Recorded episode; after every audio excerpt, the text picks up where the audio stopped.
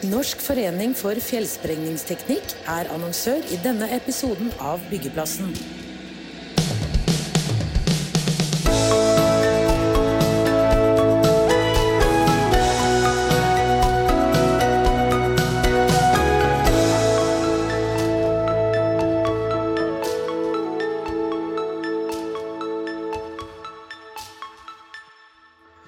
Hvordan er det å være toppleder når krisene rundt oss står i kø? Det får vi et innblikk i i dagens episode av Byggeplassen live her fra Arendalsuka. Jeg heter Christian Aarhus og har som vanlig med meg Frode Aga som programleder. Og i dag har vi fått med oss Skanska Norges konsernsjef Ståle Rød og administrerende direktør i Mesta Marianne Røren. Vært gjennom en pandemi avløst av en krig i Ukraina. Strømkrisa har slått inn for fullt, råvareprisene har skutt i været, og materialtilgang det har vært krevende mørkt. Og så skal vi håndtere ei klimakrise i et langt perspektiv. Og så Da blir det ganske mange store spørsmål her, Marianne Røden. Men vi skrur tiden tilbake til 12. mars, da den første av de jeg nevnte her, starta. Hva gjorde du da? Hva gjorde jeg da? Jo, jeg var jo relativt nystartet i Mesta. Vi hadde gjennomført en stor organisasjonsendring, og vi gledet oss til å ta fatt på å jobbe med de nye teamene på en god måte og bli ordentlig kjent. Og så var jeg på en liten svipptur til Alpene. Kom hjem på tirsdagen. Det var ikke så lurt. Eh, på torsdagen så stengte Norge, og jeg hadde dundrende hodepine og feber og følte meg ikke pigg. Så da var det Det passer vi står ved sida av her nå. ja. Men um, jeg vet ikke, det var ikke mulig å få noe test, så jeg vet ikke om jeg hadde korona eller ikke. Men, uh, men jeg tror jeg hadde det. Uh, så jeg lå hjemme i sengen og prøvde å få Mester opp og stå digitalt. Det husker jeg veldig godt. Det var veldig spesielt. Det hadde kanskje ikke noe plan for uh, korona på den tiden? Nei, vi hadde begynt å tenke på det, vi begynte å snakke om det, men eh, vi var jo ikke i nærheten av å ta inn over oss hva dette egentlig innebar. Og det gikk utrolig fort de siste dagene når det plutselig ble stengt. Kan du gi oss et lite innblikk i hvordan det er da når du våkner opp med hodepine og eh, kanskje korona, og ja. du skal lede ganske fersk òg, da, eh, ja. har 1600 ansatte. Hvordan eh, jobber en da mot de ansatte? Så jeg tror veldig på å prøve å bruke de kommunikasjonskanalene man har, slik at man er raskt ute og så forteller hva er det vi tenker på, og så er du raskt ute med å si hva er det vi må fokusere på nå. Og Jo mer akutt krisen blir, og jo, jo mindre handlingsrom du har, jo mer tvinger deg til å, å handle. Så jeg hadde et veldig fint team rundt meg, og veldig flinke HMS-folk som jobbet eh, godt med, med akkurat det pandemiske biten av det. Uh, og det blir jo litt sånn så må man bare knokle på og gjøre alt man kan. Og det er en utrolig omstillingstakt og omstillingsevne hos folk flest når det først gjelder. Og det så vi heldigvis i selskapet. Ståle, Marianne var inne på hvordan hun opplevde de dagene. Men så lurer vi på, hadde dere en plan for pandemi i Skanska? Nei, eh, vi hadde ikke noe tydelig plan for pandemi i Skanska. Eh, men eh, litt, litt til, til, starten til Marianne. Vi, vi, hadde en litt annen inngang på det her. fordi at vi, vi hadde gjennom de månedene som lå forut for 12.3 faktisk observert at her begynner det å skje ting i, rundt omkring i verden. Eh, og hadde tette eh, diskusjoner og dialoger i, i konsernledelsen og, og med, med stabsstøtteapparatet vårt for øvrig i forhold til hva, hva er det vi ser skjer nå. Eh, og, og hva, hva, skal vi eventuelt forberede oss mot. Så, så når eh, Norge stengte ned, så, så, hadde vi faktisk eh, forberedt ganske mye. og aktivitet aktiviserte da i utgangspunktet beredskapsgrupper eh, i to dimensjoner. Så vi hadde én beredskapsgruppe som, som, var satt sammen av folk som, som tok ansvar for liksom, menneskeindividet. Altså i et helsemessig perspektiv. Sant? Eh, og vi hadde en annen beredskapsgruppe som ble aktivert i forhold til å, å, å beskytte selskapet. Altså passe på at, eh, at selskapets robusthet og, og, og virksomhet eh, består. Og, og, De jobba da løpende og rapporterte inn til, til konsernledelsen til meg, sånn at vi hadde en relativt god oversikt ganske fort. Og så brukte vi en, en, en, annen ting, eller vi gjorde en annen ting som jeg tror var veldig viktig for oss, og, og veldig riktig for, for virksomheten, det var at vi, vi satte oss ned og så stilte vi det store spørsmålet. Det er liksom, Hva er aller, aller viktigst nå? i relasjon til selskapet og i relasjon til individene. Eh, og den tingen vi kom frem til som, som var viktig for selvfølgelig individene og for selskapet, og som jeg tror for samfunnet for øvrig, det var at vi kom frem til at vi må holde hjulene i gang. Vi har 150-200 prosjekter som er i drift, løpende. Store deler av de er prosjekter der folk må reise til. Så alle hjemmekontor, ikke alternativ. Altså vi er ute og bygger. Eh, og det er viktig at folk har jobb. Det er viktig for staten i forhold til skatteinntekter. Eh, og, og, da må vi liksom gjøre det som må gjøres for å, å beskytte virksomheten, sånn at vi klarer å holde hjulene i gang. Vi tar en kort pause fra byggeplassen for å høre fra våre annonsører.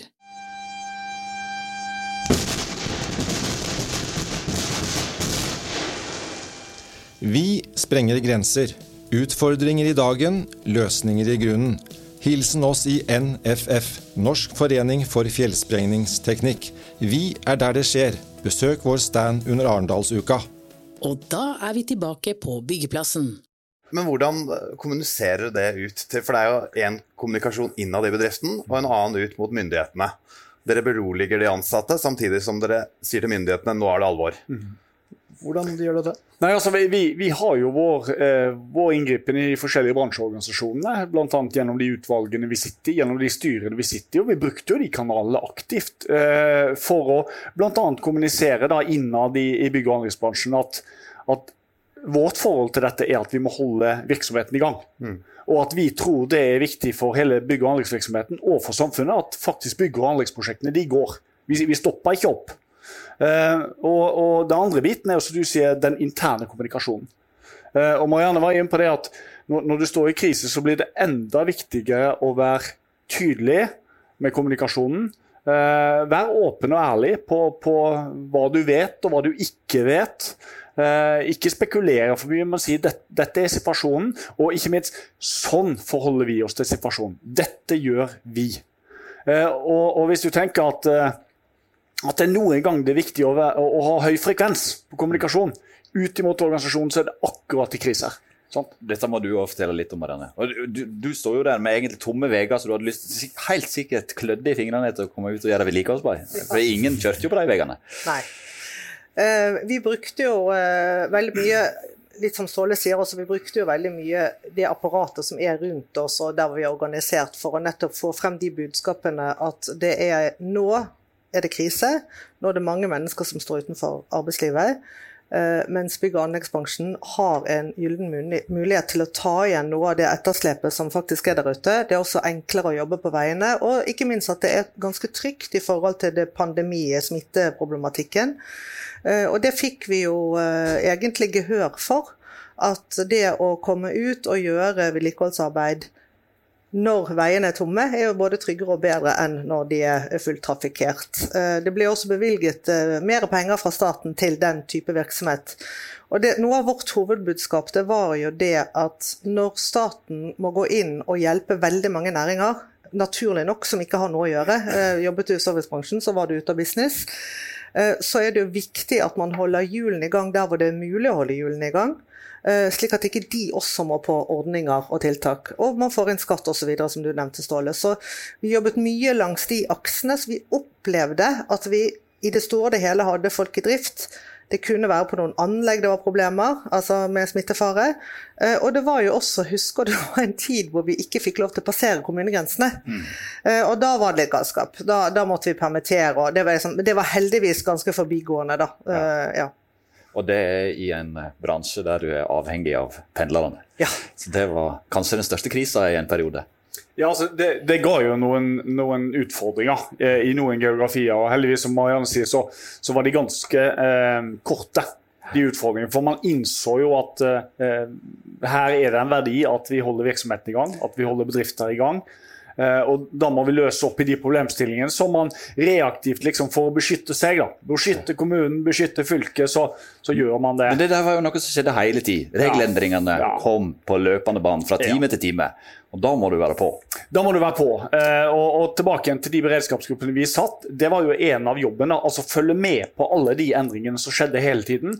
Og kommunisere tydelig ut hva er det nå som gjelder. Hvor mange er det som sitter og følger med da, da for de reglene? Nei, altså bare, bare i den der beredskapsgruppa som, eh, som var liksom knytta til individene og til å holde virksomheten i gang, da, at folk kunne komme trygt på jobb og operere trygt på jobb, så satt det vel en åtte-ti personer. Ja. Sant? Altså det, det var HR, og det var kommunikasjon, og det var juridisk, og det var innkjøp. og det, sant? Så du, du hadde og bedriftshelsetjenesten, ikke minst, eh, som, som jobba veldig aktivt i det. da. Eh, og så tilbake igjen til liksom, det her grunnleggende, det, det at vi til en viss grad var, var forberedt, eh, og at du, du ganske fort blir klar over at skal vi løse dette på en trygg og sikker måte for virksomheten og for individene, så må vi ha struktur. Og vi har, må, ha rutiner. Sant? Og vi skal huske at vi har maskinpark, altså vi har maskiner som har toskiftsordninger. Så bare det at en går ut av maskinen, og en halvtime etter så kommer det en ny person inn, renholdet i den maskinen. Sant? Det å vaske ned maskinen når du kommer på jobb og når du går ut av maskinen. Masse rutiner som måtte på plass. Der hadde vi kjempehjelp fra bl.a. bedriftshelsetjenesten vår. Og noen av de som eier de maskinene, er underentreprenører i tillegg. De jobber ikke i konsernet, har, de er ikke underlagt dere. Hvor enkelt er det å få med de på alt dette? Nei, det, det, var ganske enkelt. Sant? fordi at man, Vi innførte et regime som gjaldt alle. Og, og alle ser at uh, dette er av verdi for meg òg. du kan si Største utfordringen var jo at folk var redd. Folk var bekymra altså for, for egen helse. Og, og, og det går mye lenger til liksom, arbeidstakeren i maskiner der. Men du skal jo ha respekt for, for familieforholdet. Altså De som satt hjemme, da. Som var veldig bekymra. Skal du nå pendle til Nordvestlandet? Altså, det var kjempeutbrudd i Ålesund. Sant? Hvorfor skal du på Nordøyveien nå? Mm. Nei, jeg skal opp der, men det er trygt og godt. Vi har gode rutiner. Mange kriser i krisa der, og så kommer det nye kriser.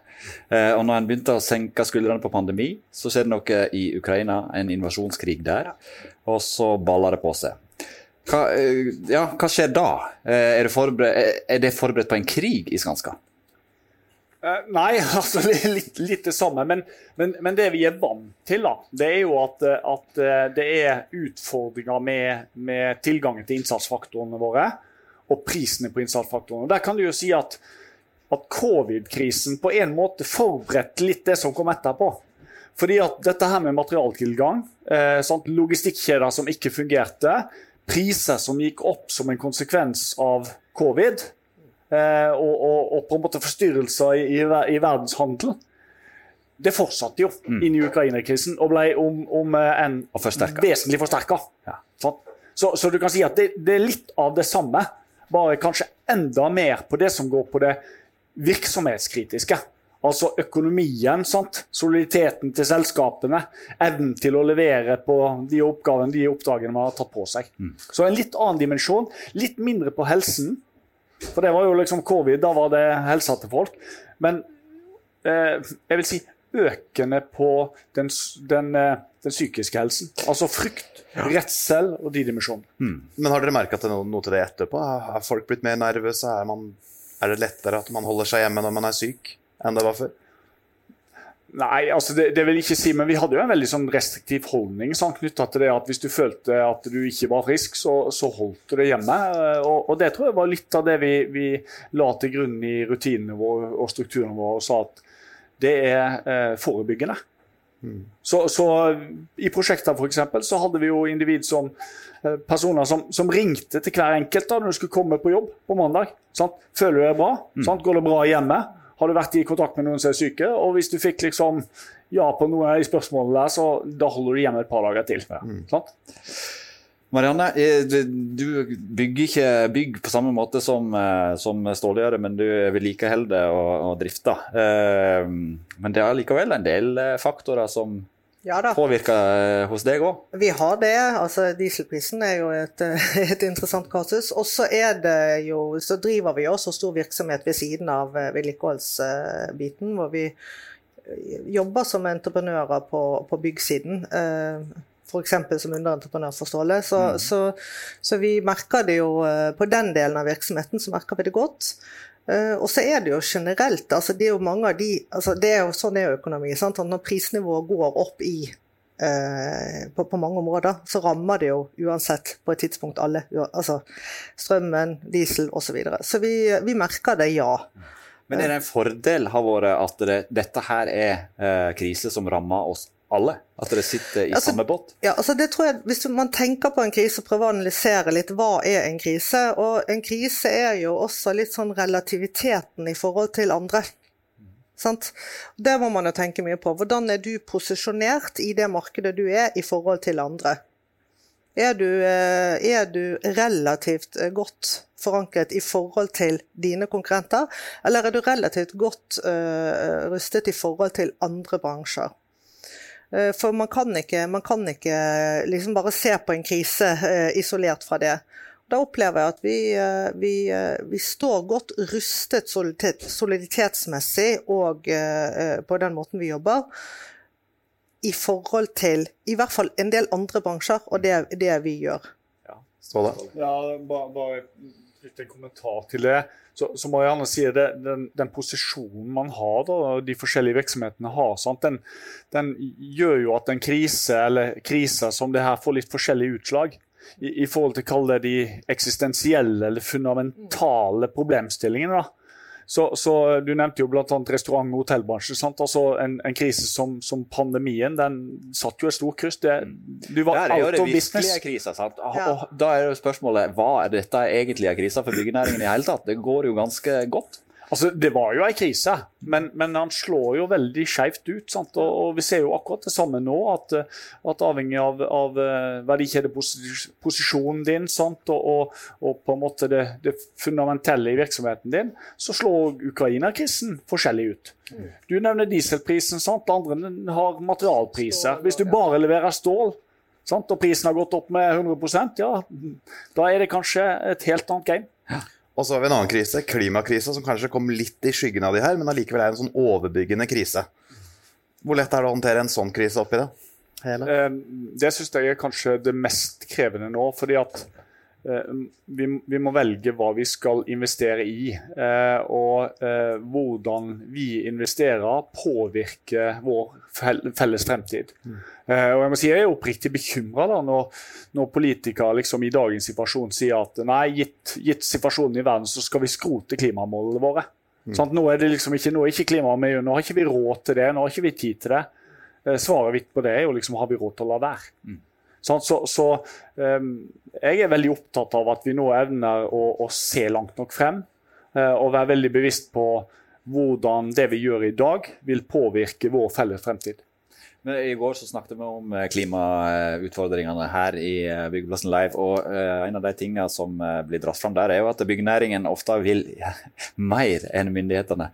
Er det vanskelig å dra med seg myndighetene nå? Skal jeg være eller, Ja, Ja. Ja. ja. Eh, altså, jeg har engasjert meg veldig i dette. Jeg sitter i styret i Skift, og, og jeg jobber jo da selvfølgelig veldig mye og- på de problemstillingene som gjelder vår bransje.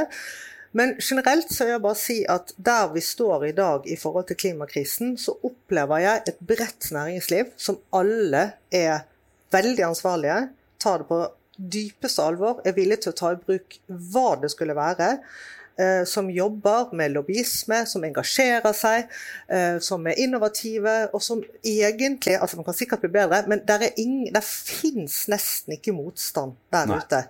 Mens det som er da et ekstremt krevende problem, og det er ikke dette er politikernes skyld. Jeg tror det er sånn de er skrudd sammen i forhold til hvordan de er organisert, hvilke prosedyrer de jobber etter. Hvordan skal man høres? Skal man diskutere noe, så skal det først diskuteres, så skal det skrives en NOU, så skal det komme en proposisjon, så skal de diskutere litt, så skal de frem og tilbake. Og så går nå dagene. Eh, Der er næringslivet litt annerledes innrettet. Vi kan ha korte beslutningsprosesser, og så, og, og så kan vi agere veldig mye raskere. Så en, jeg er veldig overbevist om at hvis man klarer å gjøre en litt annen prosess som myndigheter, som eh, det offentlige, eh, så klarer man også å få til veldig mye mer. Så vi etterlyser en eh, mer sånn, hva skal jeg si, gjennomføringsdiskusjon. Ikke sånn nå planlegger vi og nå tenker vi. Og nå, altså, alt dette er utredet. Det er bare ikke så veldig mye mer å lure på. Det er liksom sett spaden i jorden og komme i gang. Og en av de tingene, hvis vi tar den bransjen vi er i da, det er jo bruken av eh, tunge, altså, tunge maskiner. så vet at CO2-utslippet altså Det står for ca. en tredjedel av CO2-utslippet i Fastlands-Norge, litt avhengig av hvordan man regner. I dag finnes det veldig gode elektriske alternativer på tungtransport som man kan begynne å bruke. De er til salgs, du kan kjøpe det i morgen. Det finnes ikke noe ladeinfrastruktur. Så, altså, det knapt strøm òg, vel? Ja, men det tror jeg er, altså, det tror jeg er også en, del det er også en det er annen diskusjon. Ja. men det er... finnes strøm til å bruke på tungtransporten. Eh, det, det, det blir et prisspørsmål mm. for Norge foreløpig i hvert fall. Så at man ikke at man, Her er det myndighetene som stopper oss, og det er ikke Eh, altså Vi trenger at de tar det der offentlige ansvaret for å sørge for at varer og tjenester kan komme frem da, på den nye fossilfrie måten. Mm. Og så kan det vel komme gode ting ut av kriser òg. Altså strømkrisa, blir mer, det er mer fokus på energieffektivitet. Materialer, man bruker kanskje mindre. Og det slår jo igjen ut på båndlinja for, for, dere. Ja, og så tenker jeg bare, bare litt til, til spørsmålet her. Eh, jeg opplever jo akkurat som Marianne at, at avstanden mellom næringslivet, hva næringslivet kan, hva næringslivet vil, hvilke løsninger og muligheter vi har nå, og uh, hva politikerne faktisk evner å få til uh, forflytning, den bare øker. Uh, og, og, og vi, altså vi har lest veldig godt hva som står i de forskjellige plattformene i forhold til hva man skal gjøre som politiker, hva man skal realisere. Men det vi ikke ser, er den faktiske forflytningen, hva du gjør. Mm. Og den avstanden, den, den øker. Og så, så, er jeg tilbake til strømkrisa. Altså enhver krise, der, I enhver krise ligger det muligheter. Og jeg tenker jo at strømkrisa vil bidra til at elektrifiseringa, eh, utfasing av fossilt eh, brennstoff, vil gå fortere. Men det betinger at eh, diskusjonen rundt støtteordninger og sånt er veldig sånn presis og bevisst i forhold til hva er det vi skal støtte, og hvor lenge skal vi støtte, før vi sier at det er markedsmekanismene som kommer med løsningene. Mm. Sånn? Elektrisk maskinpark, det har vi. Vi har òg muligheten til å faktisk realisere et stort energieffektiviseringspotensial i bygningsmassen vår. Både det som står der nå, og det som skal bygges fremover. Og den strømmen kan vi jo bruke til elektriske maskiner. Men da kommer du inn mot politikerne igjen. Når vi investerer da, i en gul maskin, en lastebil, så investerer vi for en maskin som skal vare i sånn fem-seks år. Sant? Så vi ruller den maskinpakken hele veien. Nå har vi gjennom mange år hørt at det kommer tøffe klimakrav, og vi investerer i virkelig fremtidens maskiner som vi skal ha med oss. Mm. Men hvis nå kravene slakkes, så har vi kjøpt maskiner som har et ytelsesnivå som ligger langt over de kravene som vi blir møtt med der framme. Det er krise. Vi, det er krise! Ja. Mm. eh, vi har jo vært inne på vekstmuligheter i krise. Og eh, vi kunne nylig lese en pressemelding fra Mesta som det, det går ganske godt. Eh, vi kunne skryte av en ordrereserve som var rekordhøy. De hadde skaffa dere oppdrag for 3,1 milliarder. Eh, kanskje ikke mye krise i akkurat det tallet, men det kan jo være noe, det, det skjer jo noe med marginene deres. Mm. Eh, hva skjer med tilbudet og anbudsarbeidet oppi disse krisene her, da? Nei, altså jeg kunne ikke vært mer enig i det som Ståle sier. altså Enhver krise er også en mulighet. og Det er jo litt av ditt ansvar som toppleder. Det er også å sørge for at du styrer virksomheten i riktig retning og håndterer de krisene på best mulig måte for selskapet. Det opplever jeg at vi gjør, og vi jo, har jobbet lenge langs de aksene. At vi sikrer kontraktene våre, vi prøver å ta riktige risikobeslutninger, og vi eh, jobber på en strukturert måte. og Det gjør at vi da får kontrakter som vi selvfølgelig skal jobbe for å levere gode resultater på. Det har vel endra seg underveis i måten det setter opp kontrakter på? Det har endret seg, ja. Mm. Det har det. Eh, kan, det, kan du gi et lite innblikk i hva som endrer seg? Ja, nei, altså vi, vi, jobber jo mer, vi jobber jo mer datadrevet og mer innsiktsdrevet og, og regner på en annen måte. og sikrer, altså Når vi, når vi byr på en kontrakt, så regner, er vi sikre på vår selvkost og hva vi mener er riktig påslag. Eh, i forhold til å se for mye på hva konkurrentene gjør. Så vi er også villige til å la kontrakter gå som vi ser at ikke vi kan tjene penger på. Skanska har altså marginer på over 5 vet dere ikke rapporterer egne tall for Norge, men du har vært så snill at du har stått fram i bygningsrunde noen ganger med det. Hvor enkelt er det da å si at det er en krise når dere tjener bra med penger? Nei, men ja, altså Det er jo en krise. Eh, og så er det jo på en måte eh, selskapene og, og, og ledernes både evne eh, og vilje og ansvar opp imot det å faktisk styre gjennom krisen. eh, Og levere på de ambisjoner og de målsettinger som er, som er lagt for virksomheten. Eh, Og, og man trekker jo 5 altså jeg, jeg tenker jo at, at i bygg- og anleggsnæringa så burde vi tjent mye mer enn det. Fordi at det, det som er grunnlaget for å kunne investere da, i innovasjon og utvikling, det er jo faktisk at du har noe å investere for. Men historisk er jo 5% en bra margin. Det er jeg helt enig i. eh, Og, og samtidig så er det sånn at, eh, at eh, det er et ganske betydelige investeringer som skal gjøres for å møte fremtidens utfordringer. Du tar stor risiko for å få de 5 prosentene. sant? Det er helt Ja. rett. Det er helt rett. Så, så, jeg, så jeg tenker at, at ære være de som, som gjør det godt også i kriser.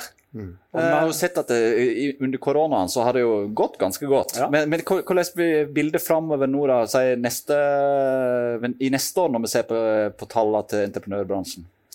Jeg, jeg tror det, det er jo litt spennende ut ifra eh, hvilke fotavtrykk man har, hvilke type kontrakter man har. Jeg, jeg opplever jo at det er en del som sitter i ganske tunge situasjoner nå, hvor de forut for krisen har, har inngått fastprisavtaler sant? med ingen regulering på lønns- og prisstigning.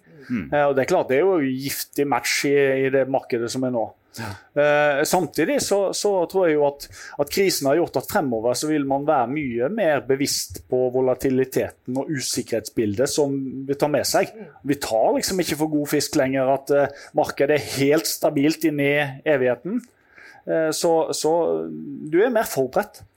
Men er det når ordrebrøkene krymper, hvis de gjør det, at vi virkelig må begynne å, å bli nervøse for næringa? Nei, altså, Eller- ja, du kan gjerne Nei, eller investeringssiden blir mer problematisk. sant? Fordi at eh, du, altså, business er jo eh, hva tar du betalt for den risikoen du påtar deg. sant? Og når, når risikoen går opp, så bør også marginen gå opp. Det er jo det som er eh, det besynderlige. Og så en ting jeg tenkte å nevne også, det er jo da UE-ene i dette markedet, de har det tøft. Eh, fordi eh, de har ikke samme gode reguleringsmekanismer som eh, hovedentreprenørene nødvendigvis har. Så det er jo noen deler av bransjen som, som sliter mer enn andre. Og jeg tenker jo liksom By default så vil man i en krise se på investeringssiden. Så Det er liksom det første tikket. da. Eh, og så er vi jo ordrebasert næring, sant? og, og næringa har jo dessverre litt sånn tendensiøst hatt at, at vi skriker ikke før ordreboka er tom. Nei. Sant? Og Det er et problem for oss. Ja. Så det å se langt nok frem og se hvordan dagens situasjon påvirker ordrebøkene der om ett år eller to Og Min bekymring er på en måte ikke nå. Min bekymring er 23, 24, 25. Og så har han flere ting. Det ene er jo det rent finansielle. Men den største bekymringen min er jo at hvis ikke vi styrer godt gjennom her, så mister vi kompetanse. Vi mister attraktiviteten i næringa. Ja. Fordi at vi er en næring som historisk har vært veldig volatilt sant? og gått opp og ned med konjunktursvingninger. Eh, og nå håper jeg virkelig vi kan styre bedre gjennom den krisen her. Og det er jo en liten krise i seg sjøl at det er jo knapphet i arbeidsmarkedet. Ja, men, men det, det tror jeg òg er litt sånn hvis du ser liksom akkurat nå, akkurat her. Yes. Eh, sant? Hvis du ser et halvt år, ett år frem i tid, så tror jeg at den situasjonen kan være vesentlig endra. Og spesielt i bygg- og anleggsnæringen. Nå tror jeg det begynner å bli krise hvis ikke vi snart runder av. Men før vi runder av så Snakke om noe som ikke er krise. ja, ja, vi har faktisk runda Dette er episode nummer 100 i Byggeplassen. Ja, Runda av 100 ganger. I Det har vært noen kriser underveis. Noen lydkriser og litt gjestekriser og alt mulig. Her Og, kom det flagg inn fra venstre. Så, men, men, ingen champagne. nei, stort sett har det gått bra, da. Stort sett har det gått bra. Eh, I morgen så er vi tilbake med enda en live-episode, 101. Så får vi håpe at det ikke det blir store kriser da òg. Tusen takk for at det var med oss i episode nummer 100 av Byggeplassen. Takk skal dere ha. Takk skal dere ha. Norsk forening for fjellsprengningsteknikk var annonsør i denne episoden av Byggeplassen.